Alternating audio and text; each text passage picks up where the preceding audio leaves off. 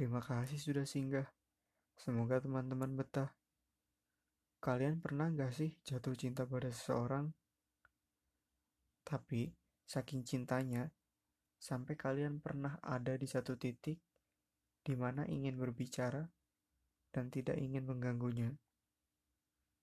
Karena mungkin kalian tahu kalau dia itu nggak suka sama kita. Atau mungkin dia benci sama kita. Semua itu bermula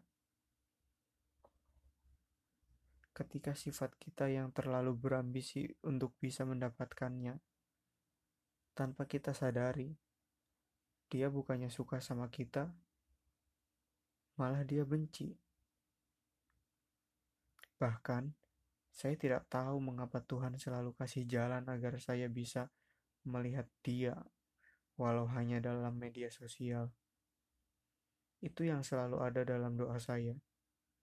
Tuhan, mengapa Engkau selalu memberikan jalan buat orang yang tidak pasti untuk menemani saya? Mungkin kita dipertemukan hanya untuk saling mendewasakan, tapi tidak untuk disatukan tapi itu melelahkan buat saya. Saya sering berdoa pada Tuhan.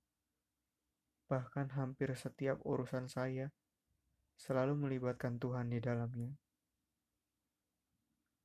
Salah satu doa yang juga sering saya ungkapkan pada Tuhan yaitu, Tuhan, jika memang dia jodohku, tolong dekatkanlah.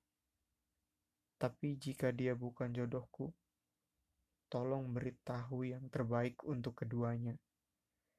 Karena saya sudah capek Tuhan. Tidak ada satu hari pun untuk tidak mengingat dia.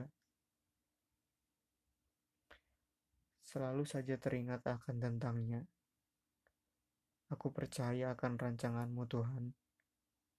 Pasti itu yang terbaik untukku. Tapi mau sampai kapan?